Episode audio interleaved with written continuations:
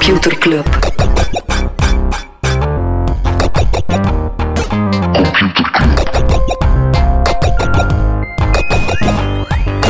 Computer Club. Hey Smolly, Hey Freddy, welkom, welkom terug. welkom. Welkom bij Computer Club, een wekelijkse podcast over technologie. Iedere aflevering selecteren Freddy en ik een interessant artikel en presenteren een feitje. Maar first, Smolly, hit the jingle. Ja, ja. We zijn eh, 250.000 keer beluisterd. Zot. Vind dat epic. Dat een kwart miljoen. Dat is een kwart miljoen, ja. Vier keer zoveel en we hebben eh, evenveel luisteraars als dat FC Kampioenen kijkers heeft op één aflevering. Dat is een heel specifieke vergelijking. Ook een eh, andere milestone, we hebben intussen meer dan 50 vrienden van de show. Dat is cool, hè? Het zijn mensen die dus virtueel vriend zijn, maar ook fysiek vriend zijn, want af en toe gaan we met de vrienden meetups doen. Ja, gisteren bijvoorbeeld hebben we... Allee, of wanneer dat deze podcast online komt, zal het gisteren geweest zijn, hebben we een eerste meetup gedaan met onze vrienden van de show. Ja. Alright.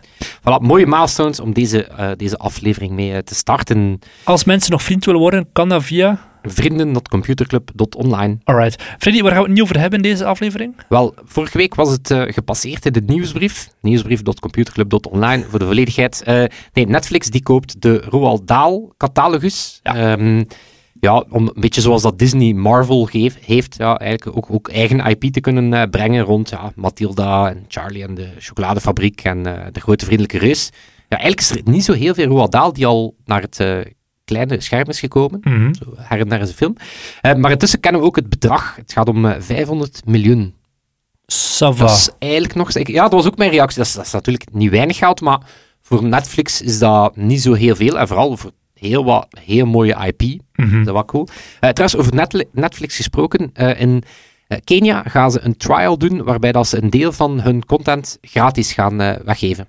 Dus ja, in een poging om ook daar nieuwe abonnees aan te trekken, is zien van, ja, kan Netflix ook als een soort freemium model, kan dat werken? Ja. Alright. Iets helemaal anders. Polestar, de elektrische auto's, die zou via een spec naar de beurs gaan. Spec SPAC. tegen een waardering van 21 miljard. Dat is... Dat vind ik dan weer redelijk. Ik vind veel van die waarderingen tegenwoordig gaan zo alle kanten op. Mhm. Zo Eigenlijk basically elk bedrijf dat tegenwoordig eh, naar de beurs gaat, is voor een aantal tiental miljard. Maar Polestar, Ja. als toch het elektrisch merk van Volvo, hoe hard zijn die nog geleerd? Polestar en Volvo? Ah, Oké. Ik weet het niet. Freddy, eh, heb jij nog dingen? Ja, eh, China die blijft crackdownen. Ehm, en deze keer, dus ze zijn daar onder andere big tech aan het aanpakken, maar ook crypto. Eh, en deze keer ehm, hebben ze gewoon gezegd, alles met crypto is illegaal. Daarvoor waren ze bezig van, nou, mining mag niet. En dus nu zeggen ze, nee, alles dat ook maar in de verste verte te maken heeft met elke cryptocoin die niet de eigen Chinese eh, Hmm. digitale coin is, eh, is illegaal. En ja, bitcoin ging toen eh, mooi aan het tuimelen. Ik denk 8, 9 procent gedaald op dat nieuws. Ja. Oké, als we het hebben over crypto, het afgelopen jaar zijn er bijna 5000 nieuwe cryptomunten gelanceerd. Er zijn er nu in totaal 12.000 verschillende. Waarvan dus 5000 afgelopen jaar al. Dat gaat echt zo, dat gaat zo de... Ja, Dogecoin, like Litecoin, Ja, maar Ethereum. vroeger had zo, ik zit in een band, dan hadden, ik ben een blog begonnen, dan was dat, we zijn een podcast begonnen, wij zijn trouwens bezig, Molly. We zijn een podcast begonnen, we zijn een nieuwsbrief begonnen, die had dus zijn zo, we, We zijn een coin cryptomunt, begonnen. ja. En dan het volgende is zo, we hebben een eigen metaverse begonnen. Ja. Freddyverse. Nee. Smollyverse. Smollyverse. Smollyverse backt wel nog goed. Allee, we zullen eraan beginnen. Ehm, nog non-nieuws, of ja, toch, toch, toch vrij groot non-nieuws. Eh, Europa die eh, zegt, en dat is vooral Apple die dat niet graag hoort, dat eh, vanaf nu elke smartphone, tablet, headphone moet USB-C als charger gebruiken. Dus die zijn dat is vooral voor Apple minder leuk, want ja, Apple was ongeveer de enige die nog, ja, zeker met zijn iPhone, Lightning. vasthield aan zijn Lightning. En Apple, Apple zegt, we zijn concerned that the new rules would limit innovation. Dat is nogal Ja. Ironisch van Apple, maar ergens ook wel waar, want ja, bon, wat gaat er nu voor zorgen dat de volgende USB-C, allee, dat de volgende standaard komt. Maar ik denk dat dat wel zal lukken. Over Apple gesproken, ja, bam, we zijn eigen zak bij aan het binnen tikken. Ehm, ze zouden eh, bezig zijn met plannen om data op je gsm, rond hoe dat je de gsm gebruikt, maar ook hoe snel dat je typt en dat soort dingen, eh, gebruiken om eh, depressie of, ehm, of ja, cognitieve ziektes te gaan detecteren. Dus ja, Apple die toch wel heel sterk naar die health aan het kijken is, mhm. maar je voelt ja, dunne privacykoorten. Dus het gebeurt allemaal on-device, maar hebben we natuurlijk geleerd van het scannen naar kinderporno, ook al is dat in wezen privater, het voelt net extra intrusief. door het feit dat, dat, ja, dat je eigenlijk het gevoel hebt dat je eigen Mhm. smartphone je aan het eh, controleren is. Maar bon, dit keer wel voor het goede doel. eh, en het zal wellicht ook wel opt-in worden, maar ja, dus eh, Wall Street Journal wist dat, nee, de Washington Post wist dat eh, te ontdekken. Right, we blijven even op die dunne privacy-koord bengelen. Andrew Bosworth wordt de nieuwe CTO van Facebook, nadat de Mike Schupfner eh, is opgestapt. Bosworth zit er al sinds 2006 en die hielp onder andere met de ontwikkeling van de newsfeed en met de functie om groepen te creëren. En hij was tot voor kort het hoofd van eh, Facebook Reality Labs. Dat Hij was, en zo, net, hij was net eigenlijk, hij had dat net overgenomen, denk Ja. ik, een aantal eh, maanden en nu is geleden. hij CTO. Ja, maar het is eh, wel de eerste, het is niet de eerste in een reeks van, eh, van high-profile vertrekken bij, eh, bij Facebook. En die CTO, Shrap, zoals dat hij daar blijkbaar genoemd wordt, is een uitgediende, een, blijkbaar een heel eh, verstandig mens. Ehm, een en ander heeft waarschijnlijk te maken met Facebook, dat het feit dat Facebook weer door een stevige PR-storm aan het gaan is. En dat bleek dat ze wel degelijk zeer goed weten wat de problemen op hun platform zijn. Dus dat is er, ze weten het, ze doen er gewoon niks aan. Ehm, en ja, ook wel vrij pijnlijk. ehm, er is een project goedgekeurd door Mark Zuckerberg himself, Project Amplify. En ehm, dat project houdt in dat er meer positieve berichten over Facebook gepromoot gaan worden in de Facebook newsfeed. Hmm. Dus ja, zeer hoog eh, Noord-Korea gehalte. ja, Noord-Korea gehaald. Ja, nee, door Mark Zuckerberg himself vond dat een, eh, een goed Topplan. plan. Eh, dus ja, ik denk dat we Alright. wel weten wat we van Facebook denken. Yes. Freddy, ik heb ook een eh, artikel gelezen. Misschien jou daarin kunnen duiken. Hè? Dat is 100% binnen de verwachting. Het heugelijke nieuws. Yahoo bestaat nog steeds. En Yahoo komt met interessant nieuws. Eh, het komt met een nieuwe Ik kalender dacht dat dat het nieuws was. eh. Dus Yahoo nieuws- bestaat nog steeds. Ja, over naar het feitje van de dag. Nee, en ze komen met een nieuwe kalender-app die heet Day. En ze hebben daarvoor niemand minder. Het is nog niet officieel bevestigd. Ik heb het ook nog niet op zijn LinkedIn gezien. Jeremy Levant aangetrokken. Voor de mensen, de insiders, Jeremy, een Belg, die heeft in 2012 Sunrise opgericht, ook een kalender-app, en dat dan verkocht aan Microsoft in 2015 voor 100 miljoen dollar. Ehm waaraan dat Microsoft dat opdoekte. Jeremy heeft nog drie jaar en één maand bij Microsoft gewerkt. En we weten allemaal wat dat eh, betekent. Ja, hij heeft gewoon daar eh, zitten wachten tot de options, eh, dat hij die mocht verzilveren, dat hij kon vertrekken met Microsoft. Is toen ook een jaar VP Design bij Cowboy geweest. Oeh. ja.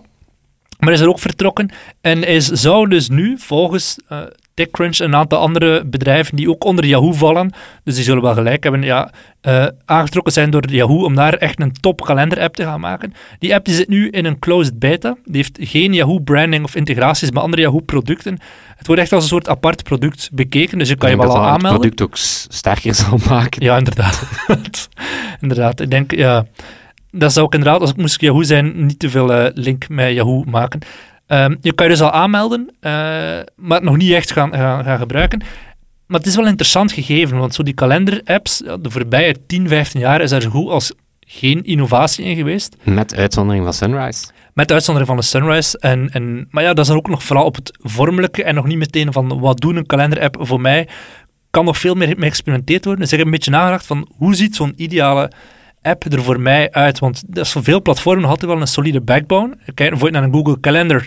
Hoeveel keer per dag ga je naar de Google Calendar op je gsm of op je, je, je laptop om te gaan kijken van wat is mijn volgende ding dat ik moet doen vandaag? Facebook heeft daarom heel lang zitten zoeken naar hoe kunnen wij ook zo'n kalender gaan integreren en echt zo centraal in mensen hun leven komen te staan. Maar het ziet er niet naar uit dat ze dat meteen gaan kunnen doen. Ehm, en nu eindelijk, na een decennium, is er toch een beetje innovatie in de industrie. Misschien is het handig om eens te zeggen hoe dat ik een kalender-app gebruik.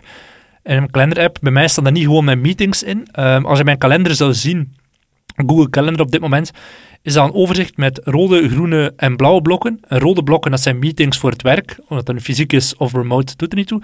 Groene dingen is gewoon privé-stuff. En blauwe zijn mijn to-do's. Dat ik ook gewoon in mijn Ja, dat vind ik wel interessant. Omdat Ja. ik, ik, ik denk dat je twee stromingen mensen hebt. Ik denk dat je mensen hebt voor wie dat de, de agenda de agenda is. En Ja. dan heb je er die zeggen, voor mij is dat eigenlijk ook mijn work planning. Alleen Ja. mijn planning tool, to-do tool. Ja, dus aan het begin van de week, meestal op zondagavond, kijk ik vooruit naar wat is hier komende week mijn... De rollen zijn onveranderde blokken die ik niet kan verschuiven. Is gewoon een meeting met externe mensen. Dan ga ik blauwe blokken gaan inplannen, heel groot, high level van. Ik ga twee uur aan deze tekst werken, drie uur aan deze tekst.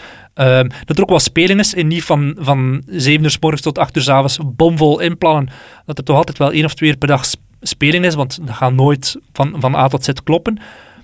En dat is volgens mij nog een, een van de drie evoluties dat ik in de toekomst zie. De eerste eh, evolutie dat ik dan over nadenk, is, is een betere connecties met je to-do's en je grote doelen.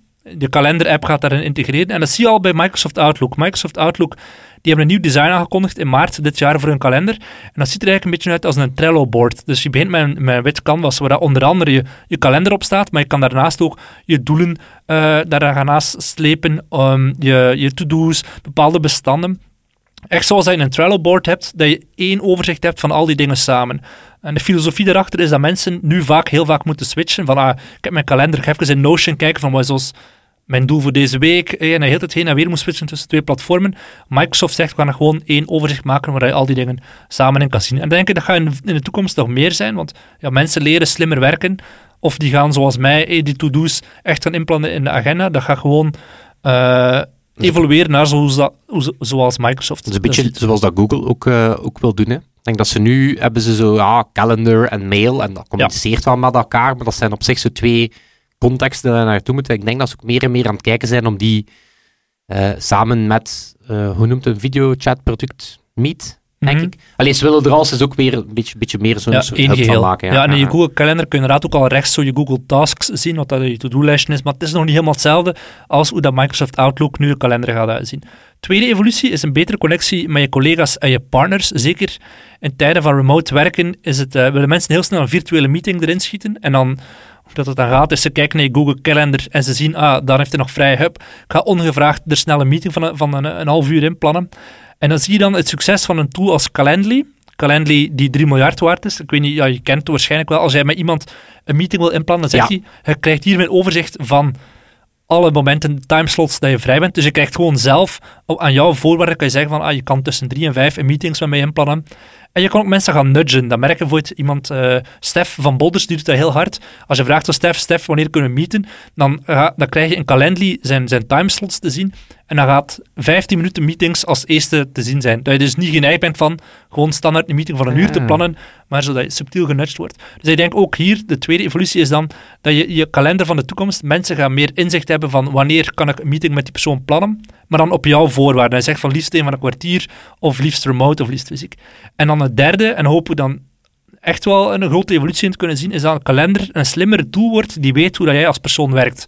Dus dat je niet gewoon kan zeggen van ik wil een meeting met Freddy, maar dat die kalender weet, ah, het is een meeting, het is een brainstorm sessie en Freddy is iemand die s'morgens heel creatief is. Dus die ga je vanzelf nudgen naar dat soort meetings moet je meer s'morgens inplannen. Of het is een lange status-update meeting, dat is dan misschien meer voor smiddags na de lunch, whatever. Maar dat, dat er daar al meer inzicht is. Een uh, Rice Call of Rice Kalender. Ik, ging, ik, was net benieuwd dat hij hem ging vermelden. Ja, want... wel, daar verwacht ik dus ook heel veel van. Door Rick Pastoor en, en Emil uh, Janssen, twee vrienden van mij uit Nederland.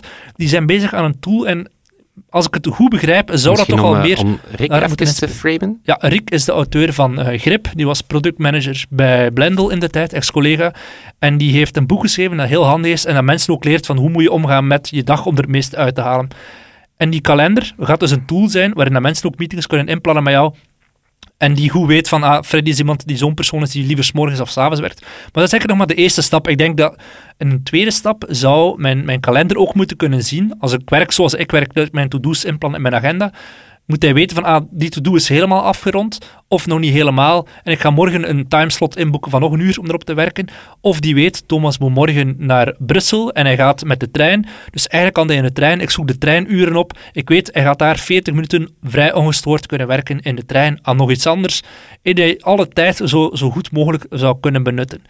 Dus dat is volgens mij hoe dat zo'n zo'n kalender nog slimmer zou kunnen worden. Uh, en jou week na week beter gaat kunnen zien van, ah, je hier, had hier heel de week volgepland met to-do's, maar je hebt er maar de helft kunnen doen. Dus ik zal voor jou ervoor zorgen dat je de week nadien uh, een iets realistischer tijdinschatting mm. maakt. Maar ja, misschien, misschien, met al die interessante nieuwe spelers, dus misschien daarmee dat Google Calendar, dat is ook precies alsof dat, alsof dat hun productmanager wakker is geworden is een aantal weken geleden. Ja, dat is nu ook... Um, je kan nu aanduiden of dat je op kantoor bent die dag of thuis bent. Uh, je kan aanduiden hoe dat je inbelt op die meeting, samen, virtueel. Uh, ja, dus er zitten inderdaad ook, en het toont nu ook zo time insights. Mm Voorlopig komt daar nog niet veel intelligentie uit. Allee, het toont je gewoon dat je veel in meetings zit. Ja. Uh, maar inderdaad, ja, ik denk wel de uitdaging van dat soort agenda van de toekomst is, ja, agenda's zijn ook voor een stukje een interoperabel gegeven dat die die moeten ook met elkaar kunnen communiceren. Mhm. En dat is op zich, denk ik, qua standaard vrij beperkt. Ja. Die iCal standaard is zo ook niet veel meer dan een invite Ja. en een kom je. Dus dat gaat wel interessant worden van, gaan we ook een soort ja, nieuw kalenderprotocol hebben, dat je, eh, dat je inderdaad zo voorkeurslots, dat je dat ook gewoon kan meegeven Mhm. aan andere kalender-apps. Dat zou wel... eh, Ja. want dat vind ik zo met die Calendly, Ja. het zo, die, die Mhm. boeken een slot bij mij.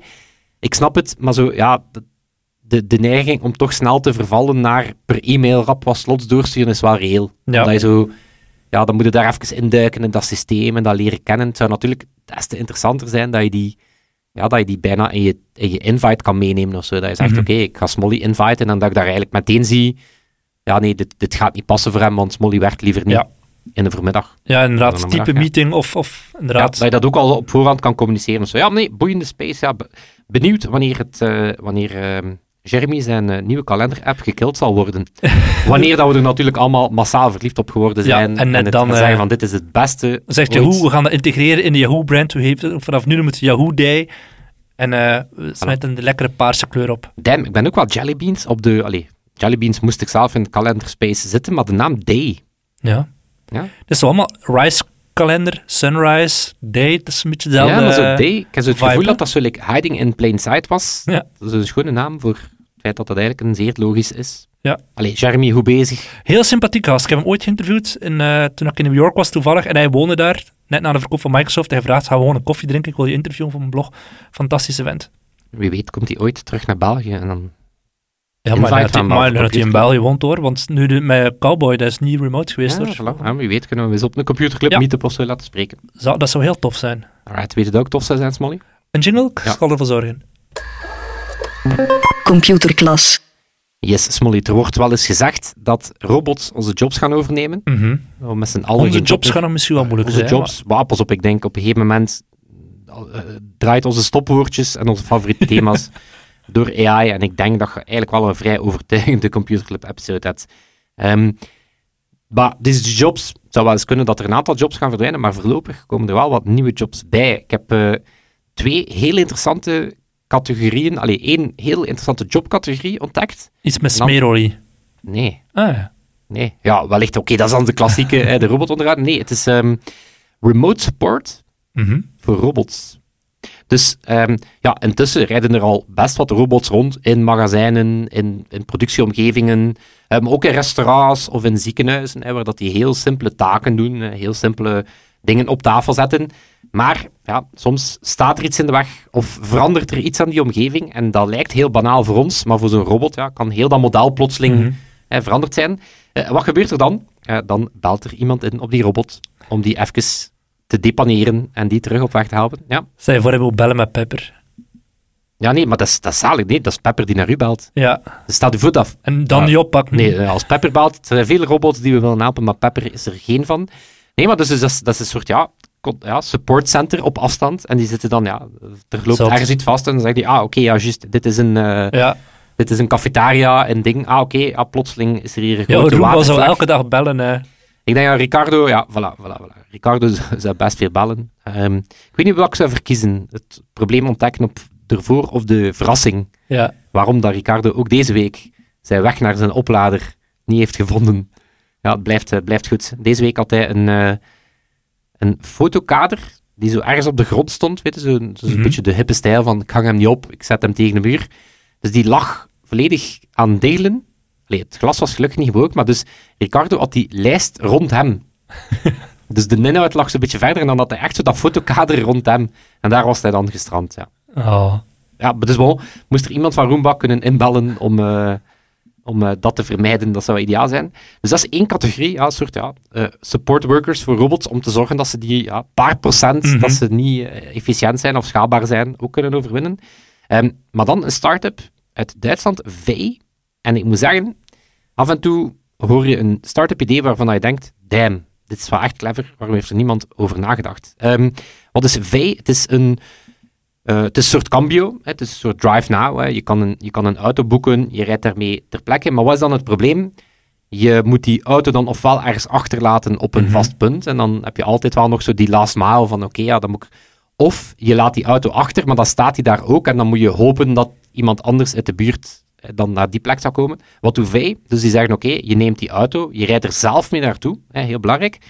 Het moment dat je die achterlaat, dan opnieuw, dan belt er een mens in op die auto en gaat hij eigenlijk van op afstand die auto naar de volgende bestemming sturen. Dus op het moment dat jij een auto vraagt, dan, hè, dus vanaf dan, dan gaat er even iemand op die bestaande auto inbellen en die naar de nieuwe locatie rijden. Zelfrijdende wagens dan. Het is niet zelfrijdend, het is een human die uh, die auto bestuurt. Ah, ja, dus er zit niemand in. Hè, dus er zit niemand in die wagen. Hij rijdt schijnbaar autonoom, behalve dat er eigenlijk gewoon iemand vanuit... uh, ja, Een grote auto op afstandsbediening. interessant hè? Ja? Ja, het is, uh, het is, het is zo'n interessante, omdat we waren er onlangs, onlangs met wat vrienden over bezig. En dan is de, zou het mogen van de wetgeving? Zegt, zegt de wetgever dat je met je rijbewijs in je uit, dat je in die auto moet zitten? Wellicht wel.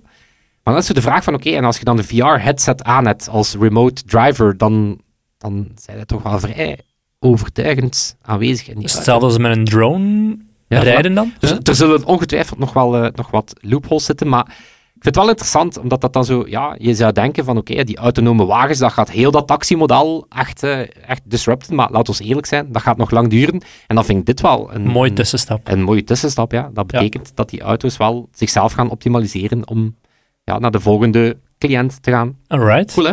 Yes. Voilà, robotwerk. Boeiend werk. Ja. Zeg Smolly. Zeg Freddy.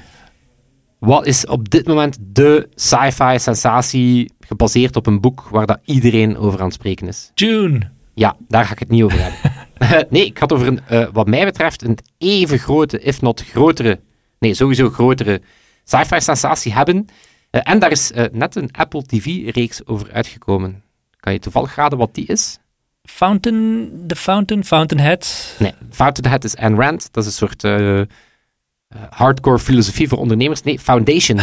ja, juist. Foundation, gemaakt door, oh, Isaac Asimov. Ja, Asimov, ja, hele grote naam in, een, uh, in sci-fi.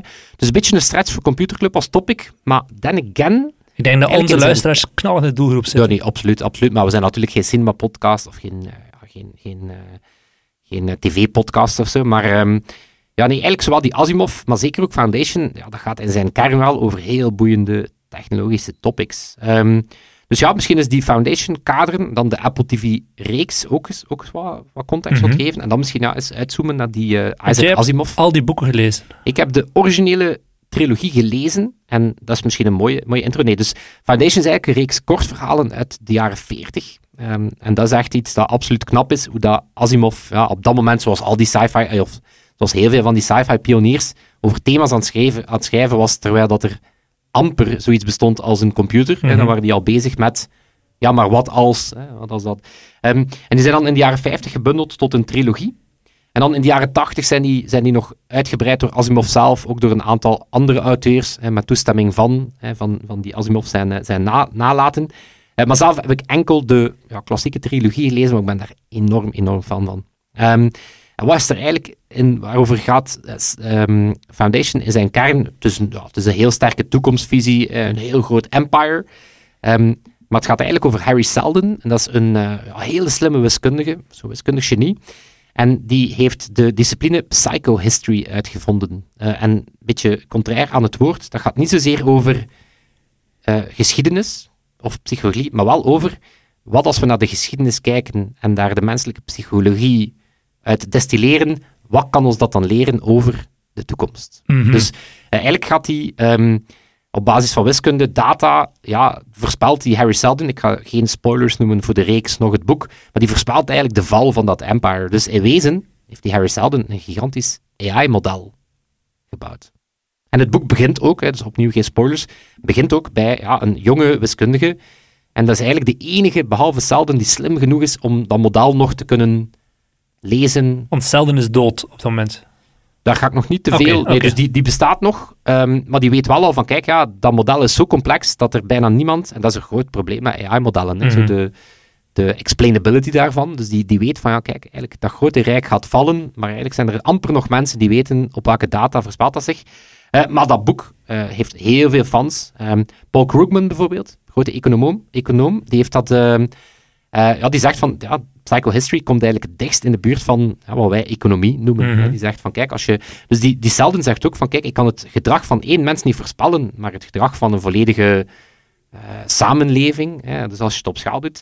Uh, Elon Musk uh, heeft onder andere een exemplaar van het boek in die Tesla Roadster gelegd, die samen met Bowie-muziek door de ruimte aan het, aan het cruisen is. Het zou wel gezegd zijn dat Osama Bin Laden ook fan was van het boek, want Al-Qaeda kan je eigenlijk vertalen als Foundation. Wauw. Het was ook de inspiratie onder andere voor The Expanse, uh, Star Wars. Ja. Ja, het is echt wel een, uh, het is echt wel een sci-fi klassieker. Ik kan hem uh, zeer warm aanbevelen. En die werd lang als onverfilmbaar geacht. Ja, waarom? Die gaat over vele eeuwen heen. Het, is, het, is, het verhaal van het, het ontstaan en vallen van, van, van, van, van, van keizerrijken. Veel plotlijnen, veel planeten, locaties. Dus zelfs James Cameron, zei, ja, het is eigenlijk onbegonnen werk om dat te verfilmen. En als de dude die Avatar maakt, zegt dat het te veel werk is. Uh, maar ze zijn ambitieus, ja, voor Apple TV Plus moet dat zo wat de nieuwe Game of Thrones worden. er zijn al 80 episodes, hey, er zijn 80 episodes voorzien. Uh, want ja, die regisseur zegt, ja, van, het is eigenlijk een soort schaakspel van duizend jaar tussen die Harry Seldon en die Empire. Uh, maar seizoen 1 is nu uit, heel ambitieus, 170 sets, 30 soorten ruimtetuigen, zes planeten die al volledig uh, gemaakt zijn. Ook wat cool, ze hebben het geüpdate.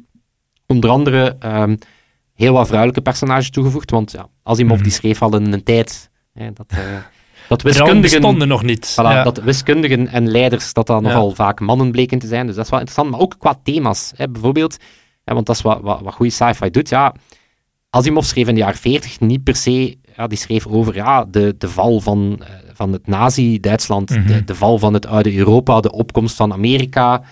Uh, dus ja, die regisseur zegt van ja, ik, ik ga er ook wat thema's als de opwarming van de aarde, nationalisme, het wantrouwen tegenover wetenschap. Ja, ergens moet je ook zorgen dat dat ook up-to-date blijft. Mm -hmm. Dus heeft ook opnieuw met toestemming van het uh, Asimov Foundation, allee, de Asimov ja, Foundation, een beetje verwarrend, de Asimov nalaten ja.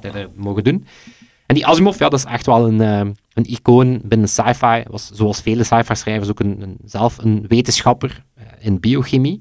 Um, maar wellicht ken je hem van de Three Laws of Robotics. Zegt je dat iets? Ja.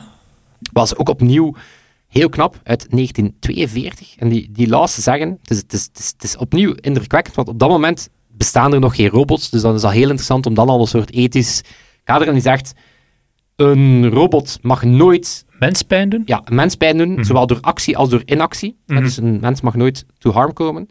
De tweede zegt hij, een robot moet elke order door een mens gegeven respecteren, tenzij dat hij daarmee de eerste wet overtreedt. overtreedt.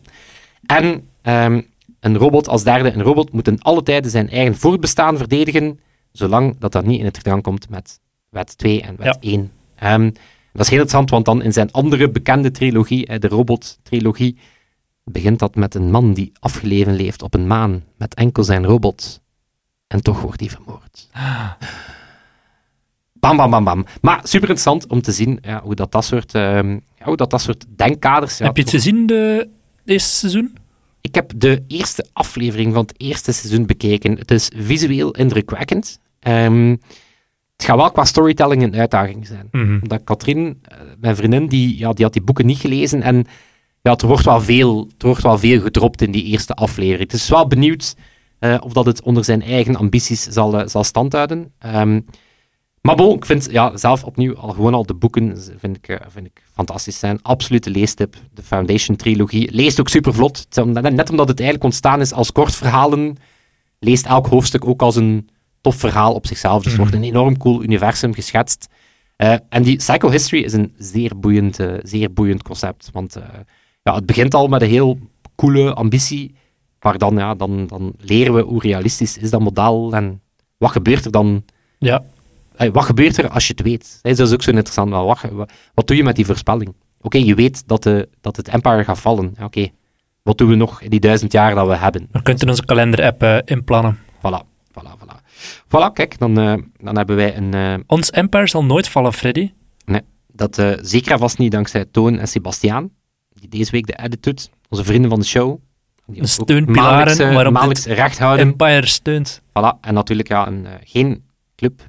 Zonder, zonder clubhuis. Zonder clubhuis, zonder alle leden van Computerclub die elke week discussiëren in ons clubhuis, de podcast volgen, onze nieuwsbrief volgen. Daar yes. zijn we heel, heel dankbaar voor. Als ons Empire ooit valt, dan hoor je daar voor het eerst. Voilà, voilà. dan gaan we daar voor het eerst ons, als eerste onze eigen uh, ondergang aankondigen. Perfect. En anders? Zal het zijn. Tot volgende Tot week. Volgende week. Yo. Yo.